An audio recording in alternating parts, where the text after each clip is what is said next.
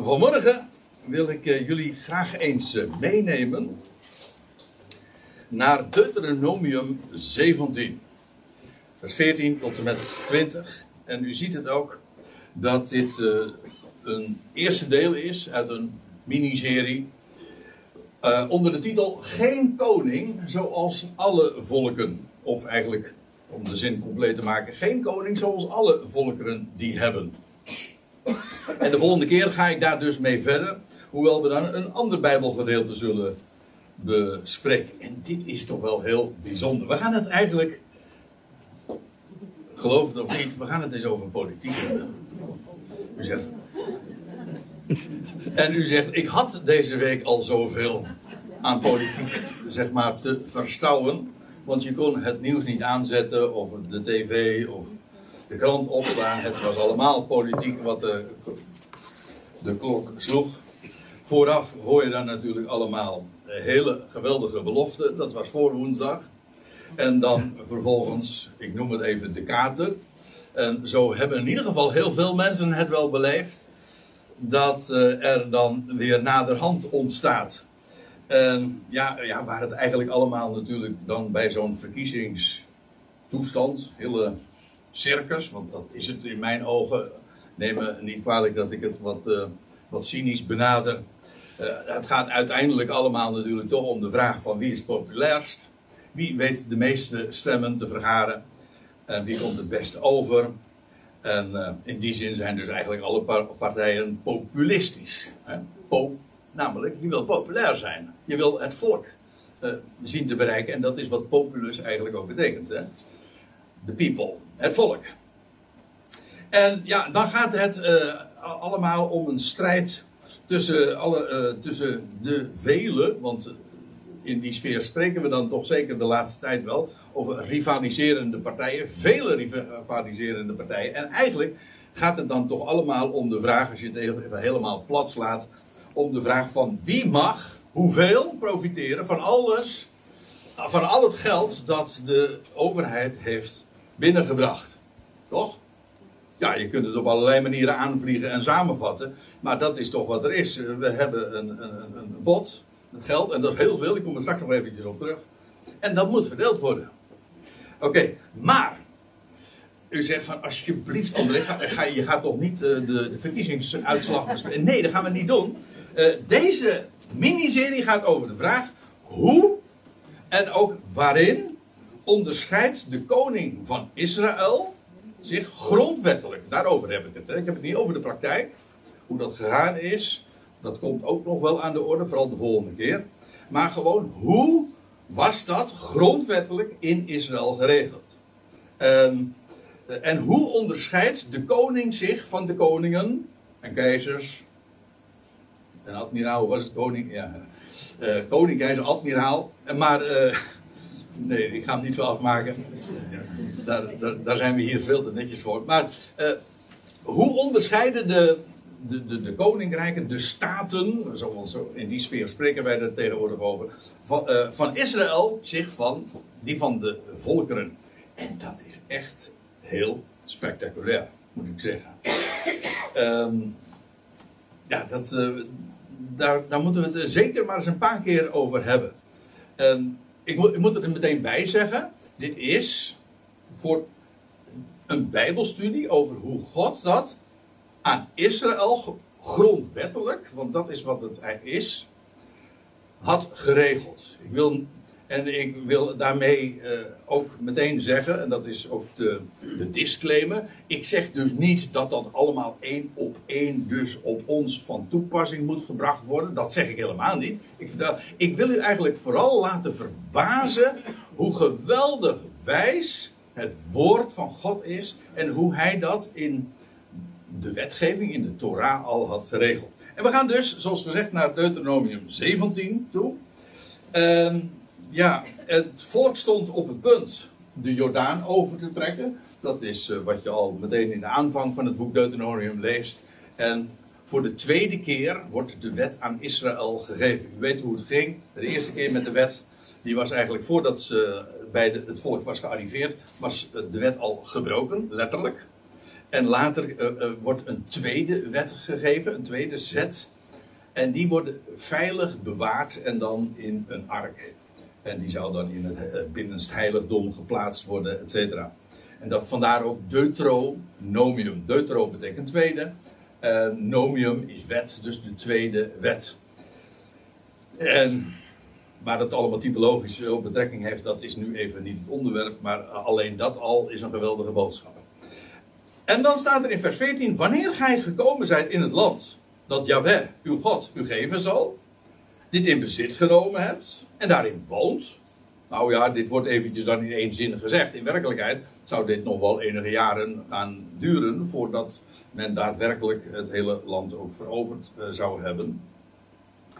En dan, uh, maar dan, vervolgt de Mozes, uh, of die bij monden, eigenlijk, God is het die bij monden van Mozes spreekt tot het volk. Als gij dat dan in bezit genomen hebt en daarin woont, en gij dan zoudt zeggen: Ik wil een koning over mij aanstellen, zoals alle volkeren rondom mij hebben. Zie daar de aanleiding, de directe link ook met de titel van deze en de volgende bijeenkomst van, de volgende, van deze studies. Ik wil een koning over mij aanstellen zoals alle volkeren rondom mij hebben. Hier wordt het allemaal optioneel naar voren gebracht. Hè? Uh, kijk, hier feitelijk wordt er gezegd van het zou kunnen dat als jullie dan in het land komen en dat je dan een, een koning gaat begeren. Waarom? Nou, alle volkeren rondom ons hebben dat ook.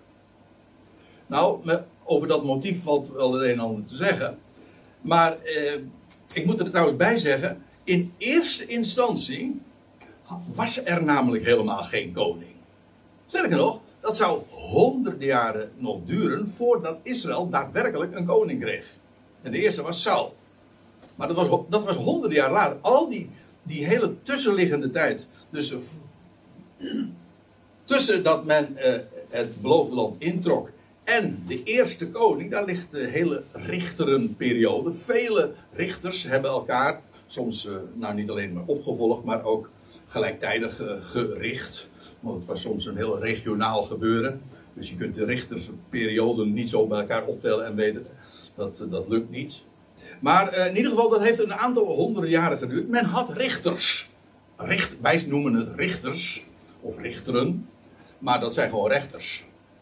Alleen, dat klinkt wat anders met rechter. De, de, klinker is anders.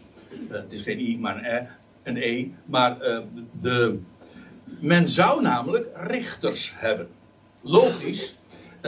die, hier wordt in feite, wat ik in deze aantekening ook erbij vermeld eh, het aanstellen van een koning wordt eigenlijk al ja, verondersteld of optioneel gezet. Uh, maar dat wordt gedoogd. Het zou kunnen dat jullie dat dan willen. Uh, maar rechters, die moest men sowieso aanstellen. En trouwens, daar was ook noodzaak voor. Want ik ga even naar. Ik ga een paar versen nou terug. Want ik ben, we zijn nu in vers 14 van Deuteronomium 17. En als we even een paar versen terugbladeren. Of nou niet bladeren, even teruggaan. Naar vers 8. Dan staat er, wanneer een zaak voor u te moeilijk is om daarin uitspraak te doen, hè, dat wil zeggen, er is een conflict, twee partijen die het niet met elkaar eens zijn, ja, wat doe je dan? Dan, pak je, dan neem je een derde partij. Nou, laten we het, eh, laat ik het maar gewoon voorlezen. Wanneer een zaak voor u te moeilijk is om daarin een uitspraak te doen, in geval van bloedschuld, eh, een geschil of lichamelijk letsel, aanleidingen tot rechtsgedingen in uw steden, dat is gewoon overkoepelend de de kwestie. Je hebt een rechtsgeding. Dan zult gij u begeven naar de plaats die Yahweh, uw God, verkiezen zal. Die wordt hier trouwens ook nog niet genoemd. Dat zou uiteindelijk Jeruzalem dus blijken te zijn. En dan staat er, ik, uh, ik lees verder. Gij zult gaan tot de Levitische priesters. En tot de rechter die er dan wezen zal. Feitelijk hadden die Levitische priesters vooral de taak ook om ja, niet alleen de offerdienst, de tempeldienst, en, of in eerste instantie de tabernakeldienst te regelen, eh, maar ook vooral om onderwijs te geven. De, Leviti, de, hele stam van Levi was speciaal vrijgesteld ook om het, uh, om het volk te leren. vandaar ook dat, en in feite daarmee dus ook te lezen en te schrijven. Vandaar dat in feite, eh, zoals God het in zijn wet al had geregeld in de Torah, eh, werd het volk eigenlijk al meteen sowieso op een hoger niveau getild. Want het werd geacht ook te kunnen, te kunnen lezen en onderwijs te krijgen. Hoe, hoe dan ook, gij zult gaan tot de Levitische priester en tot de rechter die je dan wezen zal. En hen raadplegen. Zij zullen u hun rechterlijke uitspraak aanzeggen. Dat is buitengewoon belangrijk dat een land, een volk, gewoon ook een, een, recht, een rechtspraak heeft. Een onafhankelijke partij, die dus niet, geen deel uitmaakt van het conflict en die daar eh, vanuit bepaalde principes, en die hadden de Levitische priesters me dunkt wel, of de rechters, eh, om uitspraak te doen. En zij waren ook bepalend. Dat wil zeggen, als zij een uitspraak deden, dan was dat ook eh, beslissend.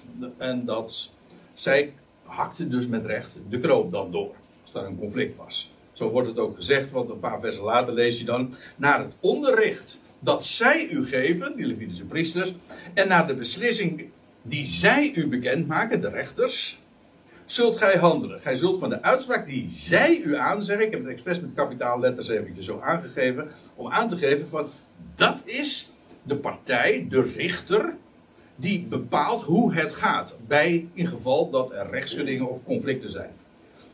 En gij zult van de, uitspraak die zij u aanzeggen niet afwijken naar rechts of naar links.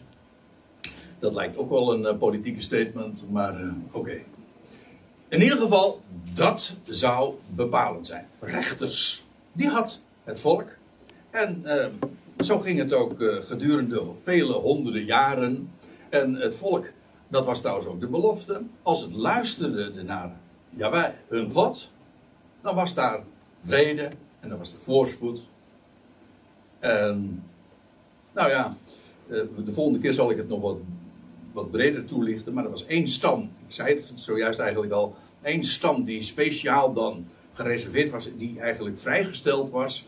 En die kreeg de tienden van het volk. Dat wil zeggen, 10% van de opbrengst van het land en alles wat daar zo binnenkwam, dat werd van al die elf stammen dus, die brachten elk 10% toe. En dat was gereserveerd voor de stam van Levi. Als je even terug, als je dan de bedenkt, dat betekent dus dat uh, dus 11 stammen, 11 keer 10, uh, 11 keer 10 procent. Er is wat op af te dingen hoor, wat ik nu zeg. Maar uh, de, de, de, de, de rekensom is heel simpel. Dat betekent dus dat, uh, dat de stam van Levi 120% kreeg. Uh, 110%.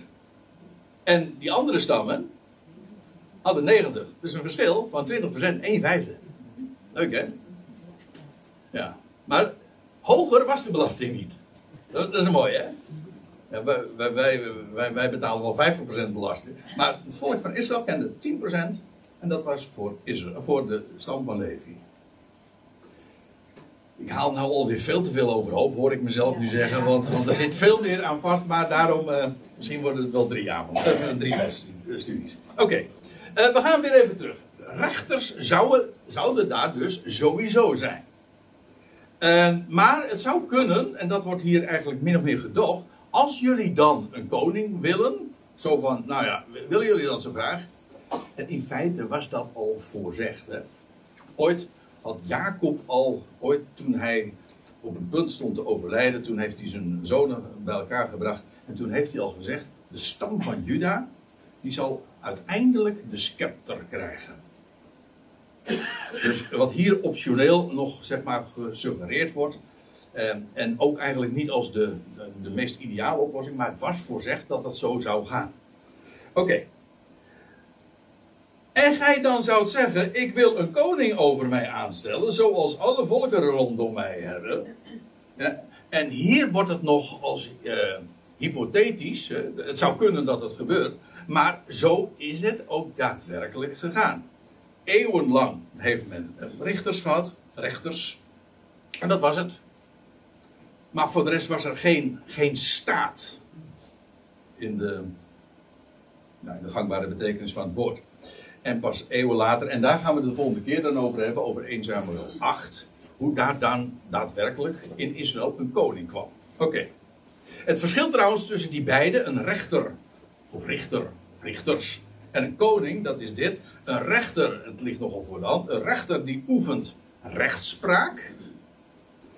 En een koning die oefent macht. Ook vooral, en hou hem vast, militaire macht. Hij heeft een, een koning heeft een, organiseert een leger. Dat is het meest uh, kenmerkende. Dat zullen we trouwens ook zien de volgende keer in 1 Samuel 8. Maar ik wil al eventjes, uh, een, uh, eventjes daaraan vooruitgrijpen.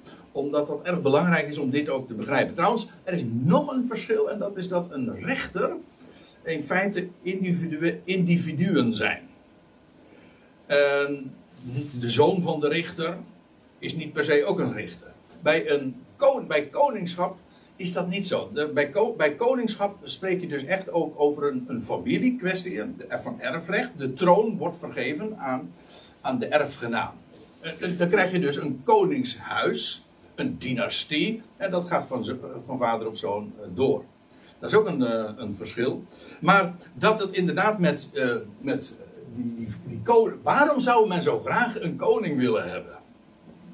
Nou, dat was niet zo moeilijk. Want dat zul je straks in 1 Samuel 8 dus inderdaad zien.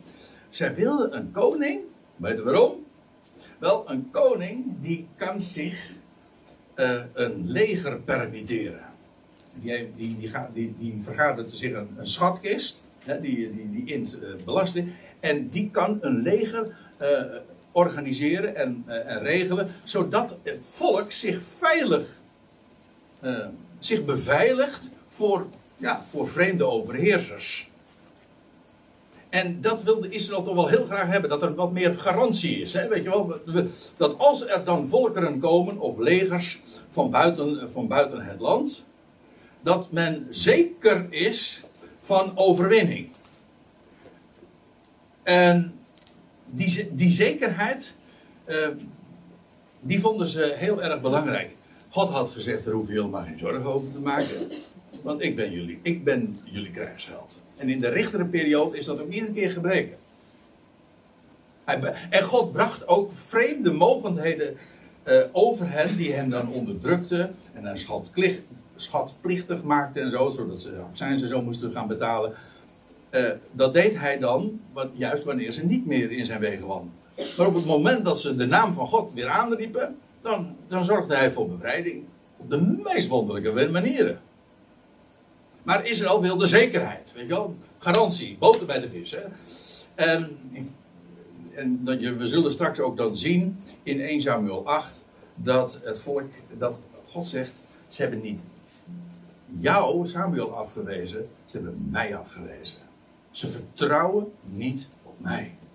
Nou, laat ik eventjes inderdaad uh, bewijzen dat het inderdaad als hier staat, ik wil een koning over mij aanstellen, zoals alle volkeren rondom mij hebben, dat het te maken heeft met militaire macht. Ik ga even naar 1 Samuel 8 en dan lees je, het volk echter weigerde naar Samuel te luisteren.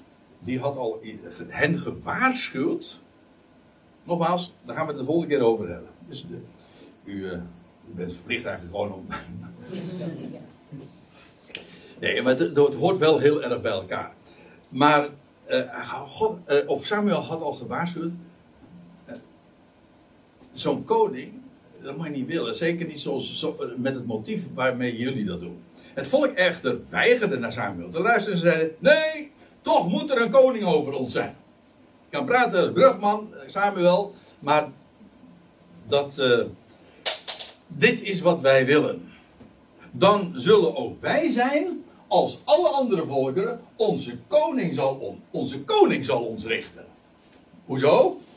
En dan, die ook voor ons kan uitdrukken en onze oorlogen voeren. Maar die moeten uiteraard ook gefinancierd worden. Er is, niks, er is geen business die zoveel geld kost, dat was ook toen al zo, als het voeren van oorlogen en het, eh, gewoon het op peil houden van de wapenindustrie, et cetera.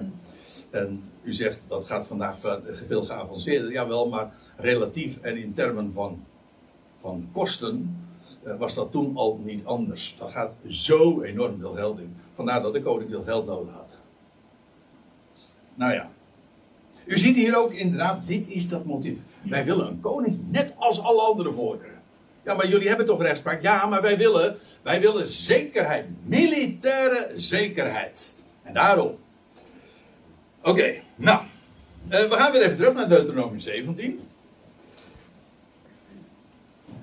God zegt hier in vers 15: Als jullie nou een koning wensen, oké, dat gaat dan, dat is goed, maar dan wel met een paar restricties. Die heel erg belangrijk zijn. Uh, dan zult gij over u een koning aanstellen die Yahweh, uw God, verkiezen zal. Oei, en dat gaat ons democratisch hart natuurlijk ook heel erg. Uh, dat, uh, onze democratische wensen is dat ook niet zo erg plezierig om dit zo te lezen. Hè? Want dit is, het is niet democratisch dus. Hè? Dus het volk ging niet, kwam niet bij elkaar om dan een koning te kiezen. Nee, ze konden hooguit een kandidaat stellen. Zo ging het trouwens ook in principe. We lezen daar ook gevallen van. Uh, maar de keuze is aan God. Hè? Die, uh, gij zult dan, jullie zullen een koning aanstellen, jawel.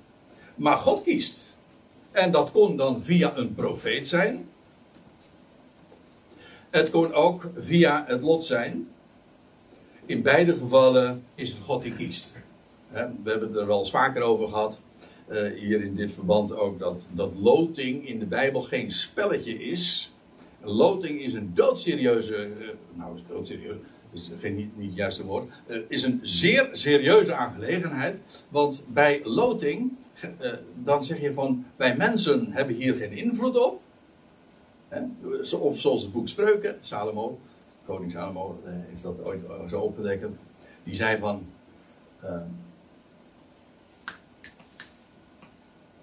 Nou, ik zeg hem zo vaak. Het lot wordt in de schoot geworpen. Maar elke beslissing daarvan is van de Heer. Ja, als een mens daar geen invloed op heeft, wie beslist dan hoe het lot valt? Nou, dan is de Bijbel zegt dat, dat, dat doet God. En daarom bij allerlei belangrijke kwesties, als men niet wist hoe, wat, men, wat te doen, nou, dan was het God die via loting iemand bijvoorbeeld aanwees. Dat lees je in het Nieuwe Testament, is dat bekende verhaal over die, die vacature van Judas die dan vervuld moest worden. Er werden kandidaten gesteld en het lot besloot, uh, besliste dan van uh, wie de daadwerkelijke kandidaat moest worden. Maar dan is het God. Nee, ik uh, ga dit niet actualiseren. Ik, ik, ik, kom deze studies wel iedere keer in de verleiding, maar het geeft te denken. Zoals dit van Gods wegen ging. Had je, bij, dus het mooie van deze wijze, deze hele procedure was, is dat je dus ook geen rivaliserende partij had van nee, die moet het worden, die moet het worden. Nee, want niemand stond tegenover elkaar. De beslissing was van Nera. Hij, kiest. Mooi hè? Ja, ik, moet, ik vind het prachtig. Geen, conflicten, geen strijd van oh, die moet er. Nee, helemaal niets. Uh, dan zult gij over u een koning aanstellen die Jahweh, uw God, verkiezen zal.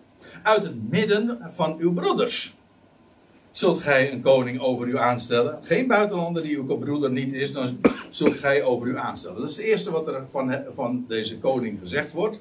Het moest iemand zijn uit het volk waaraan God zijn belofte en ook zijn Torah had gegeven. Waarom dat zo belangrijk is, dat zullen we aan het einde van deze passage ook zien.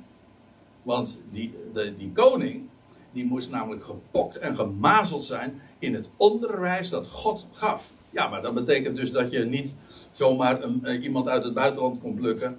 en uh, zeggen van, uh, doe jij dat maar, want die, eh, die kende dat niet. Eh, uit het midden van uw broeders zult gij een koning over u aanstellen.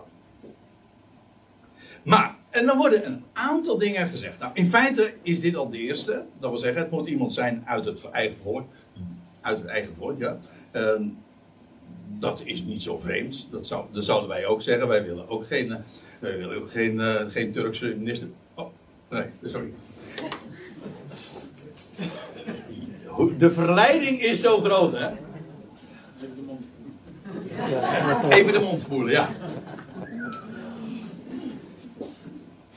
dit, dit was gewoon. Uh, nee, dit was niet gepland, maar ik moest er zomaar aan denken. Nee, er worden een drietal dingen gezegd van deze koning. die hem enorm beperkt. In feite zijn er drie verboden.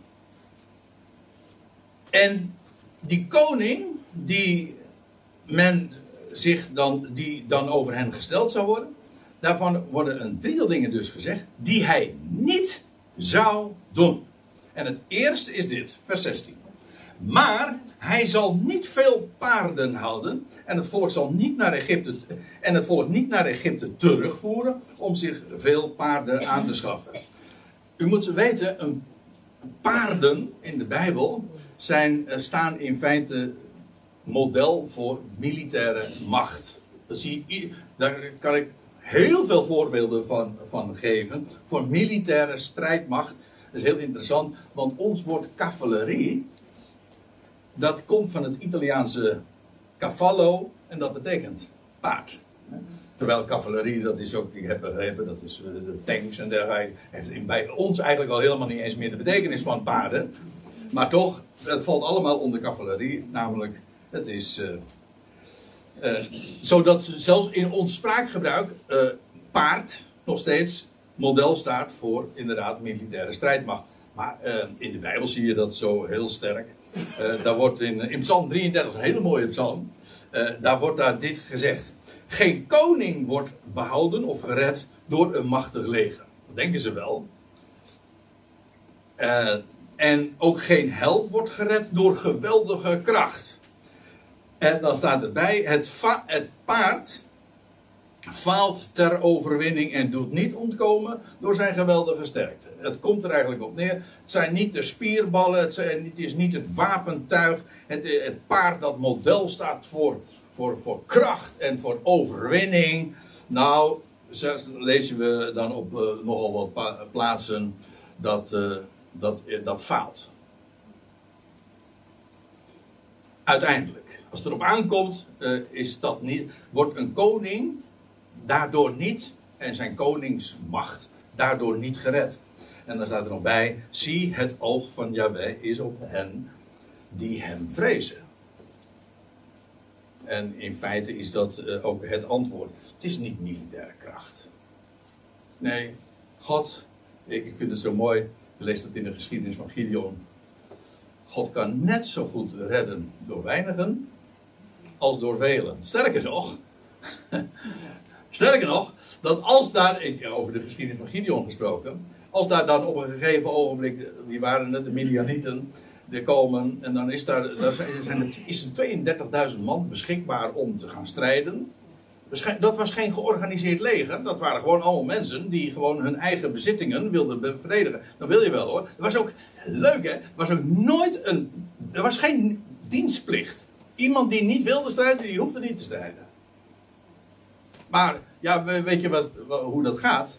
Uh, als jij je eigen bezittingen, wil, uh, als die worden aangevallen, dan heb je echt wel de motivatie om, om, die, om die te verdedigen. Nou ja, hoe dan ook. Uh, maar in dat geval, toen waren er 32.000 beschikbare mensen, of 33.000, weet ik veel. Maar in ieder geval een heleboel. En dan iedere keer lees je dan van, nee, dat is het leger veel te groot. Bizar, hè? Je zou zeggen van, een leger is nog nooit te groot, want dat, dat garandeert dan des te uh, vanzelfsprekend. des te meer en des te vanzelfsprekender dat de, over, de overwinning. Maar nee, weg. En uiteindelijk blijft daar nog een legertje over. Een bende, een Gideonsbende, van 300 man. En die wint. Ja, nou, een geweldig. Daar zijn in de Bijbel vele, vele eh, voorbeelden van gegeven hoe, hoe dat inderdaad werkt. Hoe God dat regelt in verband met overwinning. Maar, en dat is het grote probleem, God laat zich niet manipuleren. Want hij brengt soms ook gewoon, dat, sterker nog, dat zie je iedere keer. Hij brengt ook vijandige mogendheden gewoon in het land. En zeggen, juist om zijn volk recht te zetten. En juist daar, van dat fenomeen wilde Israël zich vrijwaren. Ja, maar zo werkt het niet. Oké. Geen, uh, geen uh, het, paard dus. Hè. Hij, hij zal niet veel. Dat was dus die eerste bepaling. Hij zal niet veel paarden houden. dat wil niet zeggen dat hij geen paard in de stal mocht hebben. Misschien wilde zijn dochter wel graag paardrijden of zo, weet je veel. Nee, maar niet veel paarden. Het, de, de, boodschap is volstrekt helder. En het volk niet naar Egypte terugvoeren om zich veel paarden aan te schaffen. Want juist Egypte staat. Uh, uh, juist Egypte stond bekend om zijn ruiterij, hè, om de, de, paarden en wagens. En het paard staat model voor Egyptes leger. En ook daar zijn nogal wat voorbeelden van. Ga maar eens naar Exodus 15. Dan lees je dat, oh, dat is na, nadat Israël, dus de Rode Zee was doorgetrokken, de Schelfzee was doorgetrokken, en aan de andere kant dus is, en het leger van Farao, dat machtige leger, in de zee was verdwenen. En dan lees je dat, dat uh, Mozes een lied zingt, aanheft. En dan staat er: Toen Farao's paarden met zijn wagens en ruiters het is nog steeds eigenlijk uh. Hè? De, de farao met zijn paarden en wagens. Uh, toen, toen, uh, toen Farao's paarden met zijn wagens en zijn ruiters in de zee gekomen waren, deed Jahweh de wateren der zee over en terugvloeien. Maar de Israëlieten gingen door op het droge, midden door de zee. De farao met zijn, met zijn ruiterij en zijn paarden en zijn wagens. Dus wat er van de koning gezegd wordt, hij zou geen leger hebben. Dat, dat was de eerste bepaling. Hij mocht niet veel paarden hebben. En, uh, want uh, er staat, het wordt er nog trouwens toegelicht. Want Jaweh heeft tot u gezegd. Op deze weg, dat we zeggen uit Egypte. Zult gij nooit weer terugkeren. Ja, want ja, hoe was het ook alweer? Dat was, zo beginnen de tien woorden ook. Ik ben de Heer, ik ben Jahweh, uw God, die u uit het diensthuis, uit het slavenhuis geleid hebt. Ja, dat wil zeggen, jullie waren in Egypte en daar was een machtige koning. En hoe kon die zo machtig zijn? Omdat hij heel veel belasting inde en zodoende ook een heel groot leger op de been kon brengen. Ja, maar dat, daardoor juist was Israël een slavenvolk geworden. En God had hen uit dat slavenhuis uh, bevrijd. Ja, en God zegt nu van, dat is de situatie, jullie zijn uit dat slavenhuis bevrijd. Ga nou niet terugkeren weer naar Egypte door net zo te doen als, als de koningen van Egypte, dat heette dan Farao's. Uh, en, en je weer een koning aanstellen zoals zij dat hebben, met veel paarden. Want dan kun je gewoon, je gaat dan gewoon weer terug naar af. Ook weer naar een hele machtige koning met een machtig leger. Ja, nou, dat mocht Israël als koning dus niet hebben. Geen machtig leger.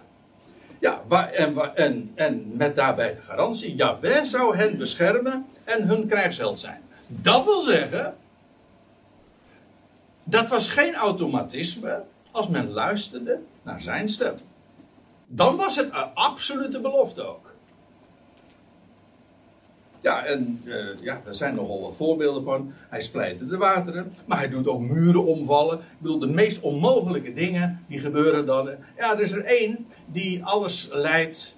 En hoe, hoe is dat trouwens ook zo vaak gegaan in de, in de geschiedenis van de volkeren? Dat, dat er een, strijd was in de Tweede Wereldoorlog. Heb je dat met, heb je dat met de Duitsers en, en, de, en, de Russen gehad? Dat de Duitsers naar Rusland gingen en dat ze uiteindelijk door met een machtig leger. Ze zouden het zo allemaal van elkaar krijgen. Ja, en toen bleken er zomaar weersomstandigheden te zijn. Die ze volledig uh, de kou. En waardoor ze uiteindelijk dus uh, in feite de nederlaag leden. Ja. Als je nou afhankelijk bent van de God die alles leidt. Wolken, lucht en winden, het, het klimaat, jazeker. Eh, ja, dan, dan hoef je daar dus niet bang voor te wezen. Maar dat was precies de garantie die God had gegeven. Ja, en uh, hij is machtig te verlossen, ook door zelfs heel weinigen. Ja, en sterker nog, bij voorkeur. Want je leest in die geschiedenis van Gideon ook, dat God zegt van ja, uh, er werden steeds meer strijdbare mannen, werden allemaal naar huis gestuurd. Dat Totdat er, totdat er een, minuscuul clubje eigenlijk overbleef. 300 man, dat, wat stelde dat voor ten, opzichte van die overmacht? Ja, maar God had gezegd van ik wil het expres zo. Want anders zouden jullie zeggen van joh, we hebben door eigen hand het volk verlost. Nee, dat wil ik niet hebben. Jullie zouden de eer aan mij geven. Ja, dat is geloof. Zie je, we praten hier niet over theoretische dingen. Dit, is, dit is maar geen godsdienstigheid. Dit is gewoon, God zegt, kijk, als je met deze bril door, vanuit de schrift uh, naar politiek kijkt, dan krijg je een totaal ander verhaal. Dat vind ik het, het verrassende, het, mag, ik mag wel zeggen, het spectaculaire, als je, als je zo'n zo'n zo'n grondwet als in Deuteronomium 17 leest. Een paar eenvoudige bepalingen en het alles, de hele politiek komt in een totaal andere daglicht te staan. Van staatsvorm, een leger, maar alles. We lezen even verder. Ook, dat is de tweede restrictie die gegeven wordt. Ook zal hij zich niet vele vrouwen nemen, opdat zijn hart, uh, zijn hart niet afwijken. Ja, dit, nu zouden we zomaar de moralistische toer op kunnen gaan. Kijk, in het algemeen kun je natuurlijk zeggen, en daar doe ik niets van af. Het Bijbelse principe is: een man zal zijn vrouw, niet zijn vrouw, hun, maar zijn vrouw aanhouden. En die twee zullen tot één vlees Monogamie is het oorspronkelijke ideaal. Neemt niet weg dat uh, God uh, wel degelijk ook polygamie heeft gedoogd. Je leest daar heel wat voorbeelden van. Daar is een heleboel over te zeggen, ga ik nu niet doen. Maar het, u moet iets zien. Dat is ehm, een, ko een, koning. Mocht niet zich vele vrouwen nemen. Waarom niet? Nou, dat staat erbij. Opdat zijn hart niet afwijken. Dat komt, en dat is, zou ons misschien gemakkelijk kunnen ontgaan dat, uh, koning, uh, dat, uh, dat de harem, want dat is, als je, als je vele vrouwen hebt, dan heb je een harem dus. Hè. Maar een harem, dat was, wij, wij trekken dat vaak een beetje in de seksuele sfeer. Dat is ook wat, een, wat een opgave, zeg maar. En, nee, het idee is, die vele vrouwen, hoe praat je daar nou netjes over, hè? Maar die vele vrouwen die hadden gewoon een diplomatieke functie ook. Waarom? Want die, die vrouwen die kwamen namelijk uit andere volkeren. Zo deden alle koningen der volkeren dat. Als ze zeggen, in feite was het een, een bewijs. Die, een koning die zich dan allerlei vrouwen, allerlei vrouwen zeg maar, in zijn haren. Dat waren feitelijk ook connecties met allerlei vreemde mogendheden. En waarmee in feite ook de innige, leuke, de innige connectie met andere volkeren werd beslecht. Kan ik dat bewijzen? Ja, dat is, dat is heel duidelijk. Want eh, één voorbeeld kennen wij allemaal wel. Namelijk van Salomo, ja. Ja, dan lees je in, in Koningen 11. En koning Salomo, de zoon van David, en ja, gewoon, dat is profetisch heel veel van te melden. Ook het feit dat hij duizend vrouwen had. Nou ja. Uh, ja, uh, 700, uh, hoe was het? 700 vrouwen en 300 bijvrouwen dan nog. Maar uh, koning Salomo nu had behalve de dochter van Farao vele, dat al, behalve de dochter van Farao, dus hij was al, dat betekent al innige band ook met Egypte. Vele, vele vreemde vrouwen, die Moabitische, Ammonitische, Edomitische, Sidonitische, Hethitische, behorende tot die volkeren van wie Jaweh tot de Israëlieten had gezegd: Gij zult u met hen niet inlaten. Israël zou zelfstandig, onafhankelijk haar weg gaan met God. En niet beïnvloed worden door, al, door verbonden met allerlei andere volkeren. Dat is wat Salomo wel deed. Door allemaal door vrouwen uit het, uit koningshuis van hoge stand uit, uit vreemde landen te halen.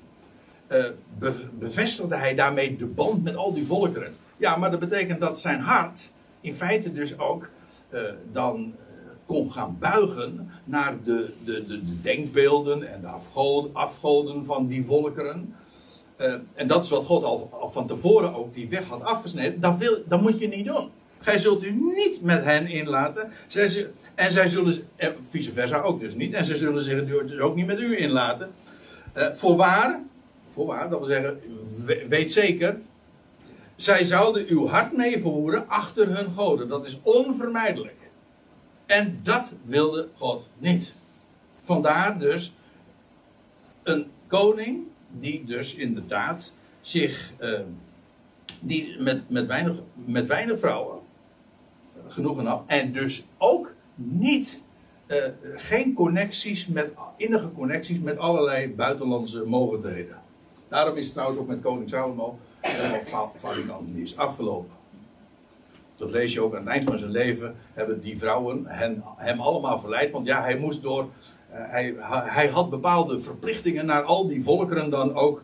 Om mee te doen met hun dienst, et cetera. Kortom, hij, hij, het bracht hem in een compromitterende situatie. En dan moet je ook meedoen. En als je, nou, God zegt: doe dat nou niet.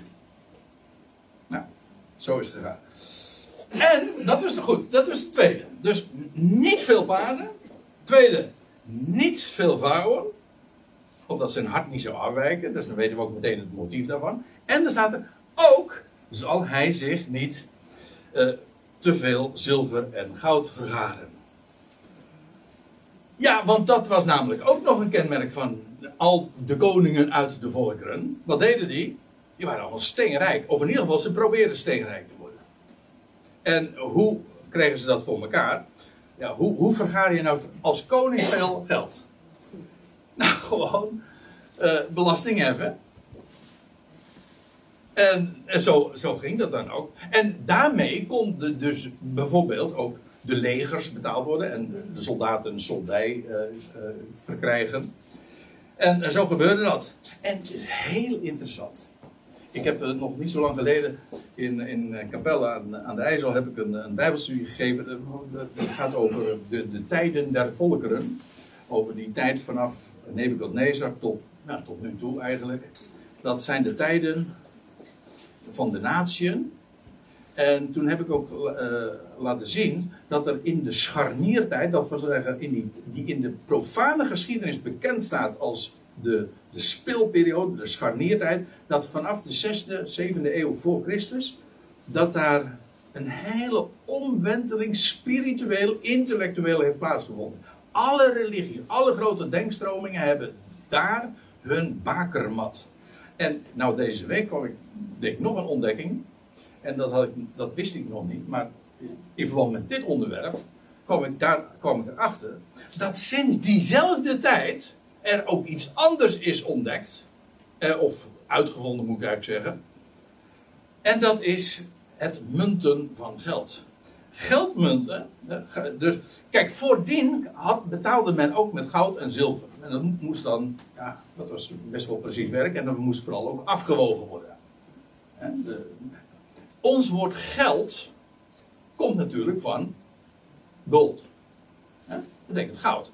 Van origine was geld gewoon ook. Wat is de waarde van een munt?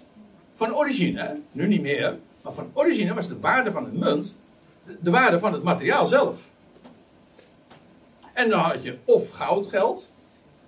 Ja, dat is eigenlijk dubbelop, hè? Dat is een goud geld. Want goud, geld is goud van origine. En, uh, of met zilver. Is, in de Bijbel lees je dat heel vaak, zilverstukken. En, dat, uh, en ook dat zie je dus in, in de loop van de geschiedenis. Uh, uh, ja, hoe dat functioneerde. Maar even nog dit. men betaalde gewoon met goud en met zilver. En dat woog men er af. En, nou ja, daar kwam heel wat bij kijken. En dan waren, er natuurlijk. Als, je dan, als je dan een beetje zat te klooien, zoals ik het grof mag zeggen. met de met, met de weegschaal, dan kon je daar natuurlijk mee manipuleren. Oké, dus het was wel fraudegevoelig, zal ik maar zeggen. Maar toen kreeg je in, de, in de, die scharniertijd, toen kreeg je, toen kreeg je geldmunten. En dat betekent, goud of zilver werd gemunt. En er werd een munt van gemaakt met op de kop de, ko, de, het hoofd van de koning. En daarmee was de koning Kijk, de koning voordien kon ook goud en zilver bezitten.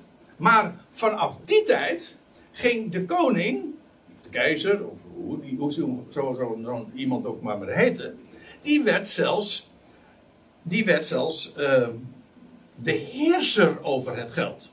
Want ja, dan kon je dus belastingen heffen. En dat kon alleen maar via dat muntstukje. Maar, ja, wat gebeurt er dan?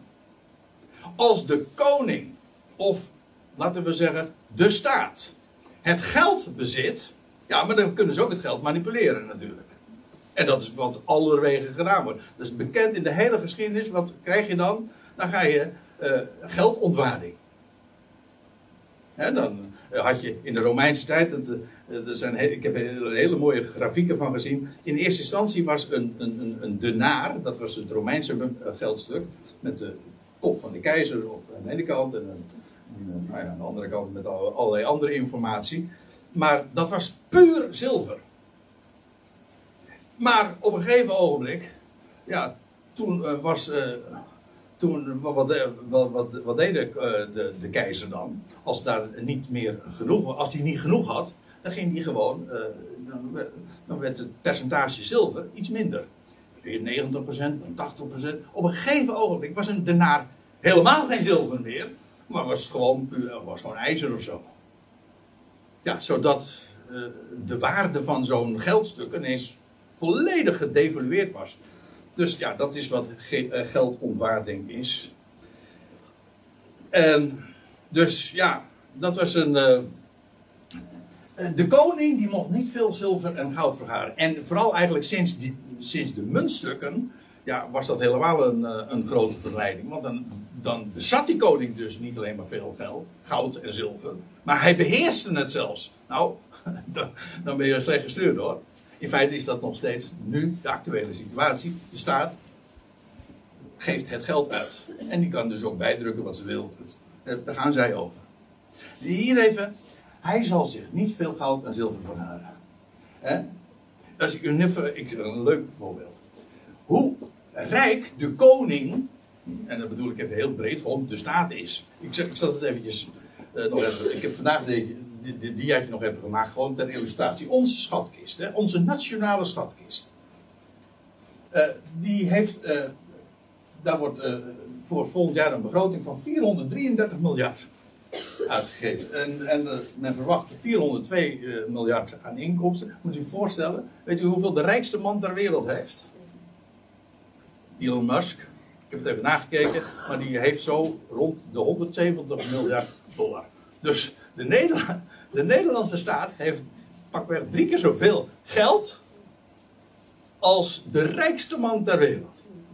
Dus onze staten, onze koningen, of, ja, wij hebben al geen eens een echt, ja, echte monarchie meer. We hebben een, een, een, constitutionele monarchie. Maar alles is gedevalueerd. Alles. Maar de onze koningen, onze staten zijn steen en steenrijk. Maar, en hoe komen ze aan dat geld? Waarom kunnen ze, kunnen ze zulke leuke dingen doen? Want u vraagt zich vanaf, maar hoe kon de koning dan in Israël, hoe kon hij dan uitkeringen betalen? Dat kon hij ook niet. Ja, dat bestond helemaal niet. Maar hoe, eh, hoe betaalde hij dan eh, het klimaat? Ja, al dat soort dingen. Nee, het hele verhaal van hoe betaal je dat bestond domweg helemaal niet. Want hij had helemaal geen geld. Hij had niet veel geld. Dus ja, als je niet veel geld hebt, dan kun je niet veel uitgeven ook. Dus het hele verhaal van ja, wie, wie profiteert van al die inkomsten. Maar het zijn allemaal natuurlijk. Dat zijn de sigaren uit eigen doos. Want ja, die, hoe gaat dat? De koning die, die kan alleen maar iets uitgeven. Als hij het zelf eerst heeft opgeëist. En dat is belasting. Weet u dat ongeveer 50% van alles wat wij wat wij binnenkrijgen, dat dat allemaal, ja, dat gaat naar de staat. 50 procent. Nou. wat, die, dat hoorde ik niet. Wat was het commentaar? Natuurlijk weten we dat. ja, die kom je mezelf wel achter. Elke. Ja, maar uh, ziet u hoe bijzonder dit is? De koning mocht dus geen leger, niet veel paarden, geen leger. Geen haan, dus geen buitenlandse uh, connecties, geen buitenlandse verbonden, geen innige connectie. Maar ook, en dit, hij mocht zich niet veel goud en zilver verhalen. Dus hij had geen schatkist. Hij was dus heel showvol. Hij had er niet veel. Ja. Goh, ja, dat is echt heel, dat is heel apart. Wanneer hij nu op de troon van. Die laatste versen moet ik wat sneller doorheen maken. Wanneer hij nu op de troon van zijn koninkrijk gezeten is, dan zal hij voor zich een afschrift schrijven van deze wet. Dus als die koning er ooit komt, en hier wordt in feite in Deuteronomium gezegd, als die dan over eeuwen, ja, want hier wordt over eeuwen heen gekeken, als die er komt, dan zal die koning een kopie maken, een duplicaat, ehm, een eigenhandig geschreven. Hij, staat in de MBG-vertaling wordt dat niet goed weergegeven, maar hij moet dat zelf doen. En niet laten doen, hij moet een duplicaat. Hij, hij, gaat niet naar de kopieermachine. Nee, hij moet zelf dat schrijven. De koning wordt verondersteld te kunnen schrijven. Eh, hij, de, hij zal voor zich een afschrift schrijven van deze wet. Dus deze niet, sommige mensen hebben dat wat uitgebreider gezien. Maakt mij even nu voor het verhaal niks uit. In ieder geval van deze wet moest hij een kopie maken, een afschrift schrijven, een duplicaat maken. En dat was voor hem de grondwet. En die zou die gaan bestuderen. En die zou die zich altijd ter harte nemen. Er staat ook bij. eh, hoe komt hij aan zo'n afschrift? Nou, dat, dat, die berust op een boekrol bij de Levitische priesters. Die, hebben, die beheren dus de, de schriften. Dat was hun taak ook. Oké, en dan moest hij een kopie van maken. En, dan, en dat zal hij bij zich hebben. Dus hij, had dat altijd. ja, ik ga ervan uit, hij had dat altijd op zak, zo'n kopie. Hij had het altijd bij zich. En daarin zal hij lezen. In het Hebreeuws staat hier trouwens. eh, het, woord voor, Hebreeuwse woord voor lezen, dat is eigenlijk roepen. Correct. Dat is eigenlijk roepen. En dat wil zeggen, lezen in de Bijbel is altijd hardop lezen. Je spreekt dat ook. Je hoort iemand lezen.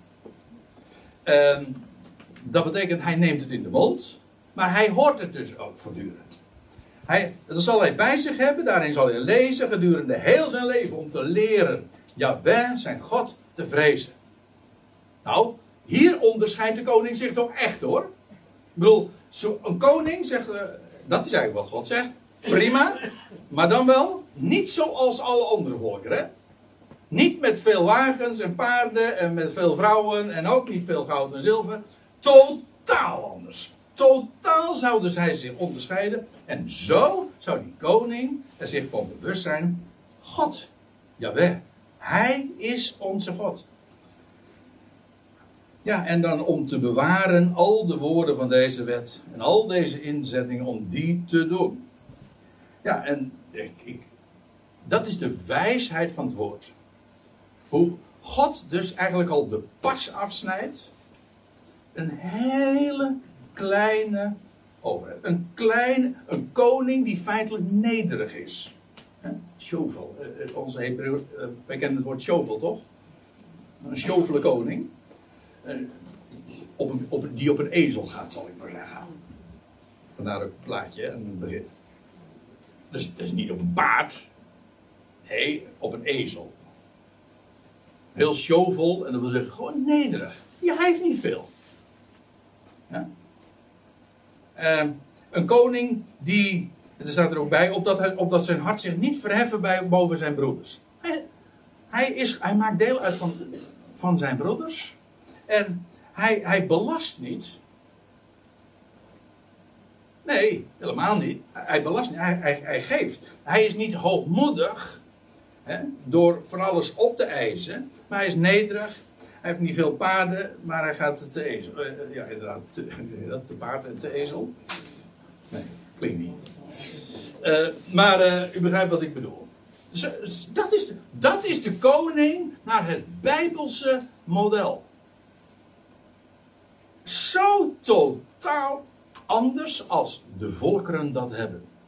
Zo zou hij, zich onderscheiden. Dus en hij zal, en hij, en hij eh, opdat zijn hart zich niet verheffen boven zijn broeders, en hij van het gebod niet afwijken, naar rechts of naar links. Ja, dus ik vind dit ook, ik geef toe dat ik hem misschien een beetje nu buiten de lijntjes kleur, maar eh, dit, dit koningschap, dat valt helemaal buiten het hele links-rechts schema zoals de wereld dat kent. Dit is totaal, totaal anders. Opdat hij de dagen verlengen, staat er, zo eindigt het dan ook. Opdat hij de dagen verlengen, zo staat het er letterlijk, in zijn koninkrijk. Een lang koninkrijk zou hebben. Een langdurig koninkrijk. Dat is trouwens ook de, de belofte die God heeft gegeven.